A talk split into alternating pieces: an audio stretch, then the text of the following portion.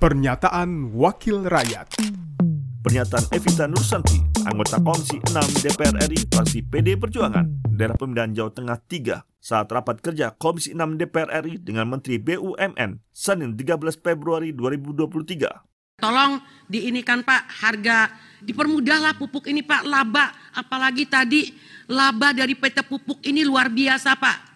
Ya kan kalau kalau BUMN BUMN ini mengeluarkan CSR PT Pupuk kasihlah CSR pupuk gratis gitu loh Pak kepada penyanggah-penyanggah pangan nasional kita Pak. Daerah-daerah yang menjadi penyanggah pangan nasional kita.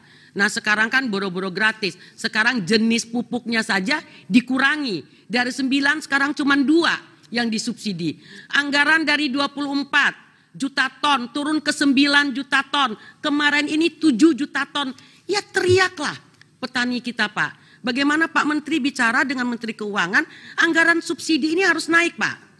Biar nggak mungkin lah dari 24 turun 9 turun ke 7 ini turun-turun terus akhirnya yang ada apa? Orang males menjadi petani ke depannya Pak Menteri.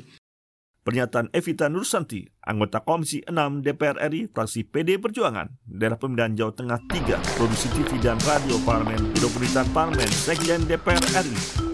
Pernyataan Wakil Rakyat